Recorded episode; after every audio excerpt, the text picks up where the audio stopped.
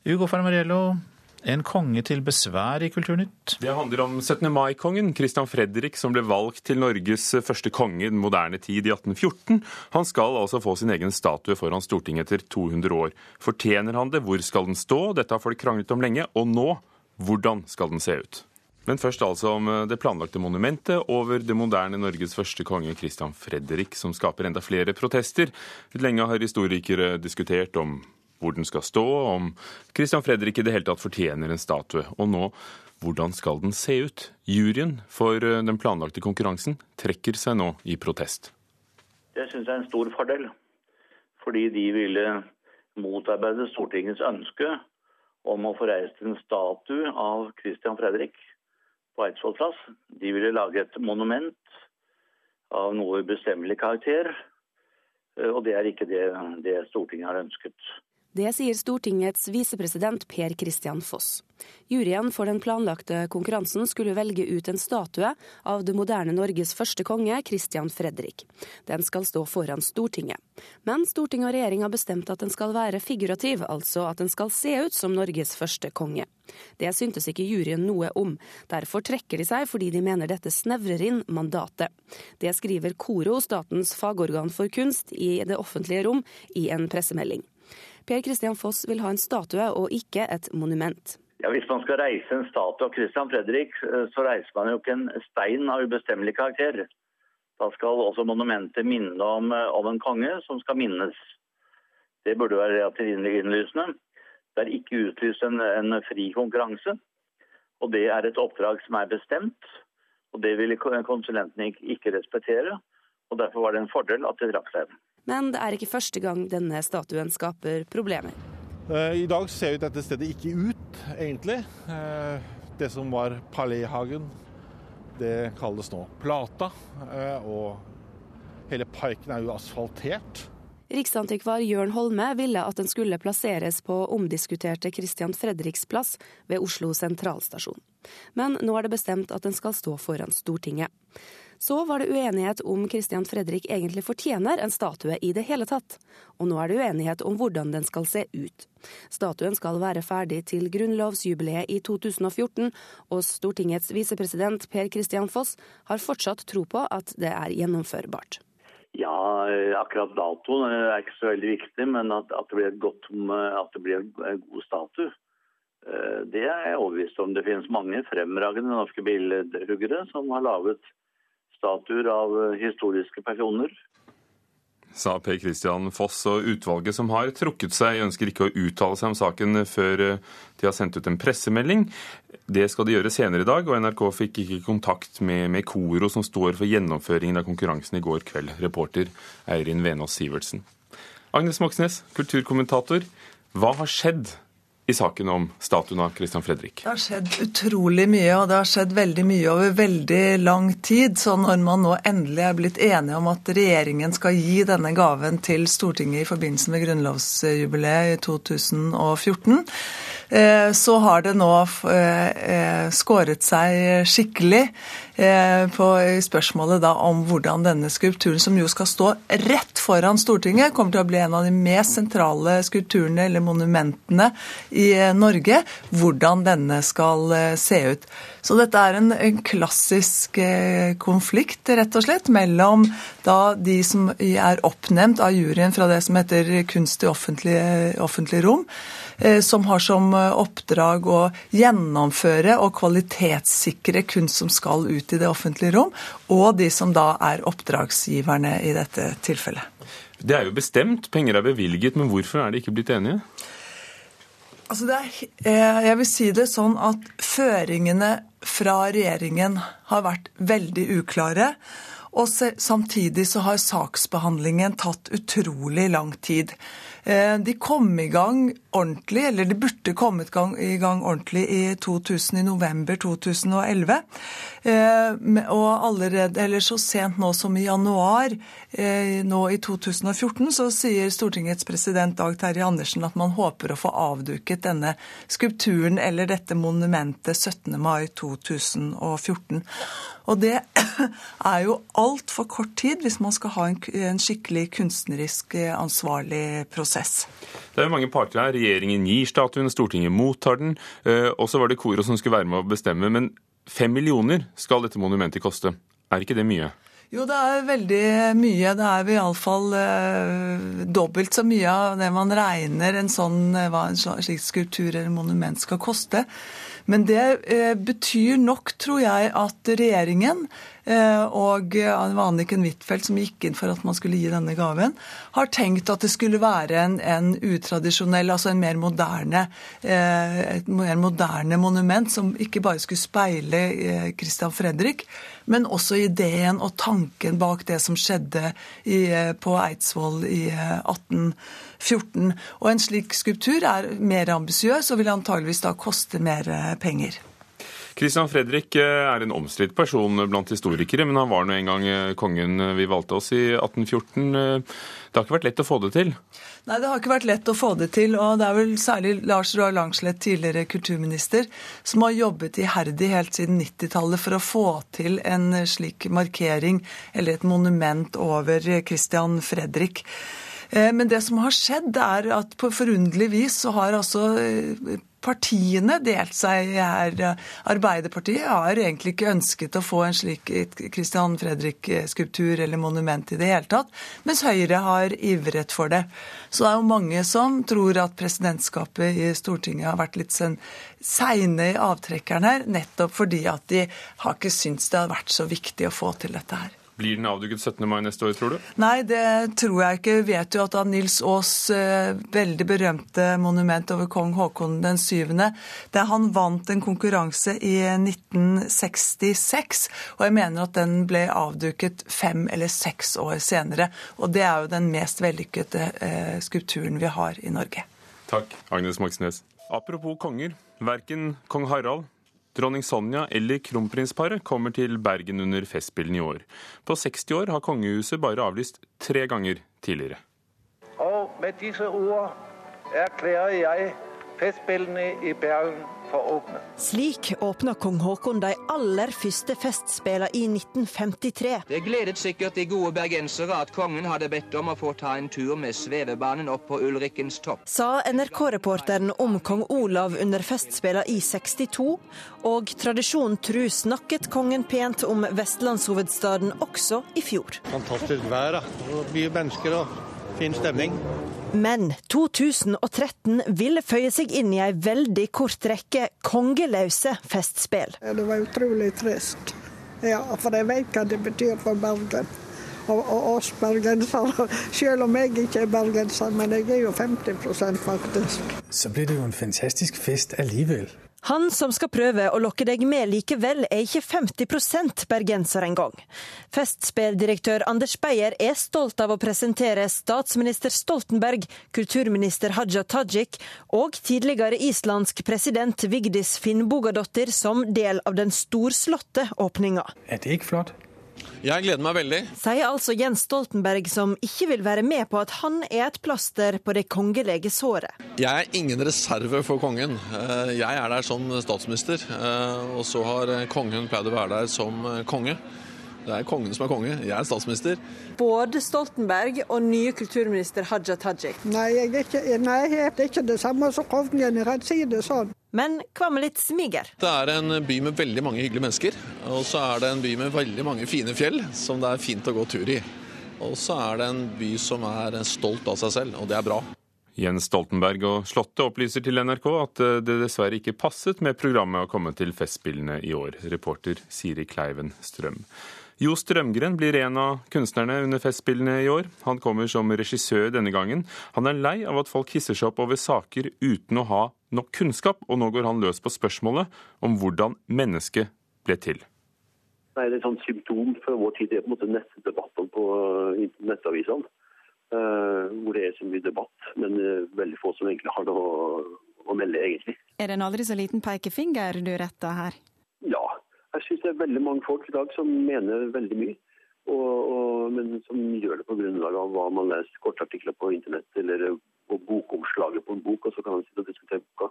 Eh, jeg savner, savner litt mer eh, kunnskap, rett og slett. Han mener det er på tide at folk gjør leksa si. Teaterregissør og koreograf Jo Strømgren har nemlig sett seg lei på at folk har så sterke meninger om ting de ikke kan, og bøker de ikke har lese. Til dømes Bibelen og Charles Darwins bok fra 1859 om artenes opphav. Det er stadig store spørsmål. Folk har jo diskutert det her i hundrevis av år, egentlig, og ennå ikke kommet fram til noe svar eller noe enighet. Sammen med den danske teatergruppa Mungo Park vil han nå ta opp den betente debatten om hvordan vi mennesker egentlig blei til. Vi tenker at vi går rett og slett tilbake til utgangspunktet. Vi går inn i Darwins kajt på båten han reiste med i årevis for å studere naturvitenskap osv. Og, og derfra, fra den gamle kajten der, så tar vi massevis av sidesprang. Jeg liker godt det at folk som kommer inn i teatersalen kan nesten sette seg på tog uten å vite hvor de skal hen. Og så kjører vi i gang, og så er det veldig veldig mye spennende landskap å se på veien. Og så er det alltid en overraskelse hvor man slutter hen. Man vet jo aldri hva man får når man bestiller en premiere øh, som skal uh, se publikum for aller første gang. Det nye stykket skal ha urpremiere under Festspillene i Bergen 23. mai. Direktør Anders Beyer veit ikke helt hva han får, men han håper Jo Strømgren vil bruke den kombinasjonen av humor og alvor som han er kjent for. Han spiller på det seriøse og det humoristiske på samme tid. og Derfor så syns jeg at han er sådan en fantastisk kunstner, fordi han beveger seg på en balanse mellom det seriøse og det nærmest komiske. I dag offentliggjør festspillet årets program, og Anders Beyer vil gjerne at Strømgren skaper debatt. Hvordan er det vi innretter oss? Hvordan er det, hva tror vi på? Hva, hva er det, hvordan er det vi vil øh, innrette vårt samfunn osv.? Og, så og på den måten kan Festspillene gjøre noe helt spesielt. Jeg føler alltid følt lenge at øh, vitenskapen er på vei bort, og, og det religiøse, troen, øh, er sterkere på vei tilbake. Så det, det, er jo ikke bare jeg, men kanskje også mange andre som bør gå litt tilbake til utgangspunktet for, for hvem vi er og hva vi tror på. Og så ta en litt sånn sjekk, altså, rett og slett. En liten sjekk for Jo Strømgren, reporter Turid Rogne. Ledere i det offentlige bør miste jobben når de ansatte bryter målloven. Det mener leder i Norges Mållag, Håvard Øvregård. En ny rapport fra Språkrådet viser at over 160 statlige virksomheter bryter målloven fordi de har for lite nynorsk på sine internettsider. Altså det som er at Når staten setter krav til seg sjøl, så forventer en at det blir fulgt opp. Her er det altså offentlig ansatte som ikke gjør jobben sin. Sier leder i Norges Mållag, Håvard Øvregård. En rapport fra Språkrådet syner at det i gjennomsnitt er litt over 11% nynorsk på statlige nettsider, noe som er langt under minstekravet i mållova om 25 av den ene målforma. Øvregård mener at brudd på lova bør få konsekvenser. Nei, det som jeg ser på som det mest uh, naturlige, det som tror vi fungerer best, er at sjefer som ikke leverer, de må finne seg en ny jobb. For det er den øverste lederen for hvert enkelt statsorgan som har ansvaret for at mållova blir respektert. At vi begge har truffet et menneske som bryr seg. Som kan trøste den andre. Som kan bysse den andre i søvn. Neste uke har Riksteatret en premiere på Tvillingsjeler, en oppsetning der skuespillerne ikke snakker nynorsk. Riksteatret er et av de statsorganene som kom dårligst ut i undersøkinga, med null nynorsk både på nettside og repertoarbrosjyre. Teatersjef for Riksteatret, Ellen Horn, er ikke nøyd med resultatet, men forteller at det nå blir satt i gang tiltak for å få opp prosenten. Det blir eh, mange, mange forestillinger som kommer eh, på nynorsk, og da kommer vi til å lage alt skriftlig materiell knytta til de forestillingene på nynorsk. I fjor hadde vi også årsmeldingen på nynorsk. Så vi prøver å, å få til mer. Vi er ikke fornøyd med nynorskprosenten på nett hos oss. Men så tenkte vi at nå kan vi like godt vente til de nye sidene kommer opp og stå nå i løpet av våren, og at vi der kommer til å også få en større nynorskprosent. Brudd på mållova stiller ikke noe krav til sanksjoner. Det at Ellen Horn har valgt å gjøre noe med den dårlige nynorskprosenten, er derfor ikke selvsagt. I 2007 kom regjeringa med et forslag om å ta i bruk sanksjoner av mer negativ karakter overfor statsorgan som ikke følger målbruksreglene. I dag, seks år etter, er fortsatt ingen sanksjoner å se. Ja, det er en vanskelig balansegang å drive sanksjoner. Sier statssekretær i Kulturdepartementet Kjersti Stenseng. Hun mener at mållova ikke har vært uten verdi, samtidig som hun ser behovet for fornying. Altså, Mållova har jo ikke vært uten verdi, for vi har jo sett at uh, jeg tror nok prosenten vært lavere hvis vi ikke hadde hatt den, og hvis vi ikke hadde gjort de tiltakene vi har gjort. Vi må se nå når vi går gjennom språkloven om vi kan uh, finne mer konkrete virkemidler for å, for å, få opp prosenten. Det er nok mye som kan gjøres fortsatt, både gjennom å samordne og drive et mer aktivt tilsyns- og, og rettledningsarbeid. Og reporter var Camilla Yndestad. I mange år slet den amerikanske forfatteren David Van med å få utgitt boken sin, 'Legender om et selvmord'. Men da var det også gjort, i alle fall hos kritikerne. Debuten kom på norsk for to år siden, romanen 'Caribou Island' kom i fjor, og begge disse er lagt til Alaska, og konsekvensene av selvmordet for de etterlatte spiller en avgjørende rolle i begge bøkene. Nå kommer David Vans tredje bok, 'Jord', på norsk. Leif Ekle tar igjen av hatten for David Van. David Van skriver rystende bøker. Om han denne gangen har forlatt Alaska til fordel for California, og selvmordet som gjennomgripende tema, er hans evne til innlevelse i forstyrrede menneskesinn og en slags krass empati med dem like sterkt til stede, uansett på hvilken side av kløften mellom godt og ondt figurene hans til enhver tid befinner seg. Galen, et par og tjue år gammel, er vokst opp på en valnøttfarm utenfor Sacramento, California, sammen med moren. Bestemoren er på aldershjem, det finnes en tante og en kusine som ikke lenger bor der. Hvem hans far kan være, vil moren aldri snakke om. Galen burde gått på college, men det utsettes stadig. Pengemangel er forklaringen. Samtidig er det noe som ikke helt stemmer, noe som ikke kjennes bra i morens motvilje mot å slippe Galen fra seg til et voksenliv på egne ben. Galen er nok ikke den eneste forstyrrede sjelen i denne boken, men han er hardt skadet.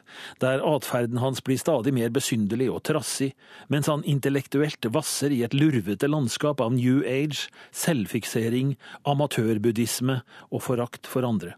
Hans faste følgesvenn Herman Hesses roman Siddharta er for Galen ikke oppbyggelig lesning. David Van nøler ikke, han hiver leseren ute i en grøt av lommer, familiehistorie, dobbelt- og ikke-kommunikasjon, der han i de to første bøkene tvinger leseren til å ta stilling til selvmordets konsekvenser for de som blir igjen, altså selvmordet som overgrep, lar han i jord Overgrepet blir liggende og flyte tungt i teksten, bare halvt synlig, uavklart, der det truer med konsekvenser som ikke kan overskues. Hva det består i, eller om det må telles på mer enn én finger, er det leserens oppgave å finne ut av. Jeg startet med å si at David Van er rystende lesning, slik også med jord.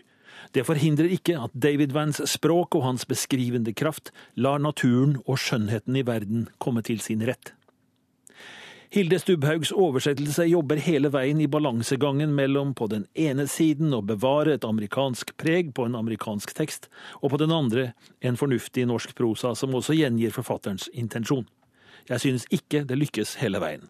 Et inntrykk som kanskje er urimelig forsterket av noen enkelttilfeller som kommer tabben temmelig nær. Leif Ekle om David Vans nye roman 'Jord'.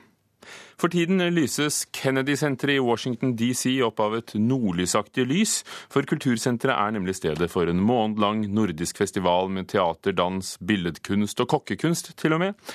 Mønstringen heter Nordic Cool. Den er støttet av både Nordisk råd og landene selv, og også Norges kulturminister Hadia Tajik var til stede under åpningen i går. Dette er den største kulturmønstringen eh, om Norden utenfor Norden. Det er eh, kjempestas eh, at et sted som The Kennedy Center, som har et veldig godt omdømme, har valgt å prioritere å vise fram Norden og Norge. Og det er viktig for meg at norske kunstnere òg er en del av den internasjonale scene. Og her har de en anledning til å gjøre det. Fra Norge deltar rundt 60 kunstnere og utøvere innen forskjellige kunstgrener. De norske kulturbidragene spenner fra Nationaltheatrets oppsetning av Hedda Gabler og Carte Blanche danseforestilling Corps de Våg, via Terje Isungsets ismusikkonsert og Hemsingsøstrenes fiolinspill til jazzpianisten Tord Gustavsen.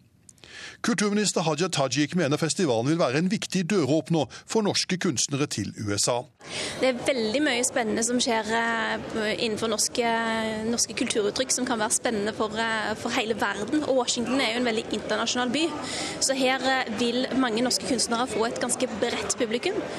Og det som er så spennende, er at her har man klart å finne balansen mellom det tradisjonelle norske, altså man har Hedda Gabler som blir satt opp, og det moderne norske, med bl.a. Allan Øyen sin danseforestilling og Terje Isungset som spiller veldig spennende musikk. Det gir et mangefasettert bilde av Norge. Norsk teater, musikk, film, dans, litteratur og matkunst vil de neste ukene friste amerikanere til nye kulturopplevelser. Den nordiske kulturfestivalen har allerede fått bred omtale i Washington Post. På det anerkjente Kennedy-senteret har også Snøhetta laget en egen installasjon av finerplater til festivalen Nordic Cool. Og festivalprogrammet lokker også med å avsløre hemmeligheten bak nordlyset. Fortalte korrespondent Jon Gelius. Solen er tilbake i Tromsø, og med den ekte varen forsyner også den kunstige solen fra byen. Som Kulturnytt fortalte tidligere i vinter, fraktet to kunstnere en lysende sol fra Oslo til Tromsø for å lyse opp for nordlendingene i mørketiden. Men nå skal solen videre og lyse opp langs hele norskekysten. Ja, 22 meter skal det være. På kaia så har kranfører Odd Rydningen oppdaga at han ikke har lang nok kran for å heise opp kunstverket på Hurtigruta. En lengre kran er på vei. Men han når 36, tror jeg det, så det, det bør gå bra. En kunstgjenstand som vi skal bringe med oss langs kysten helt til Bergen. Vi har vært her oppe på kunstutstilling her oppe. Maskinsjefen på MS Nordkapp skal ta med seg den pulserende sola med en diameter på tre meter til Bergen. Vi er nå bedt om å gjøre en liten tjeneste for de her som har pønska den ut. Kunstnerne Kristine Istad og Lisa Pacini er kommet til Tromsø for å følge sola sørover. Altså, sola er jo også et objekt som skifter farge, som kan oppleves som et selvstendig kunstverk. Det er ikke bare liksom sol, det er, altså, det er noe mer enn det. da. I mørketida kjørte kunstnerne Sola til Tromsø på en henger, og undersøkte underveis hvordan folk opplever mørketida. Altså jeg skjønner veldig godt hvorfor folk herfra sier at de syns ikke det er så mørkt. Altså vi kom nå i dag klokken fire, og så var det bare helt, helt fantastisk lys.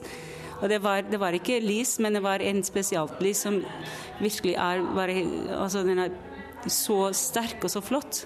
Ja, jeg syns det er fascinerende når vi intervjuer folk fra nordfra som sier at ja, men det er jo ikke, det er jo ikke mørkt, det er jo lys.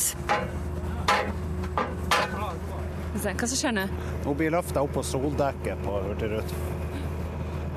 Ser det ut som det går greit, eller? Ja, det går, ser ut som det går helt bra. Stå helt akterut på det dekket der oppe, på dekk syv. Nå skal de drive på et filmteam som skal komme og filme den, med den i forkant, med landskapet som går for, forbi. Det er det som er tanken.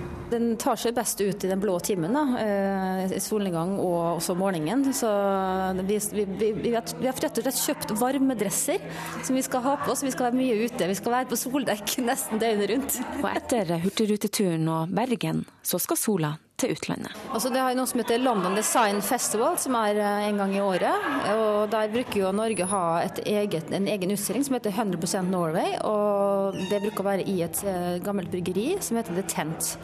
Og Da ønsker kuratorene da, å vise den sola på utsiden på fasaden. Jeg lurer på om du kan forklare hva som er kunst med dette? jeg kan ikke det. Jeg, jeg, du vet jo, jeg er sånn, sånn skruer jeg, vet du. Noe sånt det her er sånn, sånn fingreier. Sånn, det, her, det er så sjelden det skjer at du blir helt fjatra når man ser det. Det er fancy shit, skjønner du. Masse fine farger og Nei, det blir bra det der, tror jeg. De tror det, de sier det. Mye rart vi flakter på Hurtigruta. Og solen anløper Bergen fredag. Kunstnere mangler foreløpig en vegg å henge den på, så, så vær så god. Eh, solen trenger altså en vegg. Reporter i Tromsø var Karoline Rugeldal.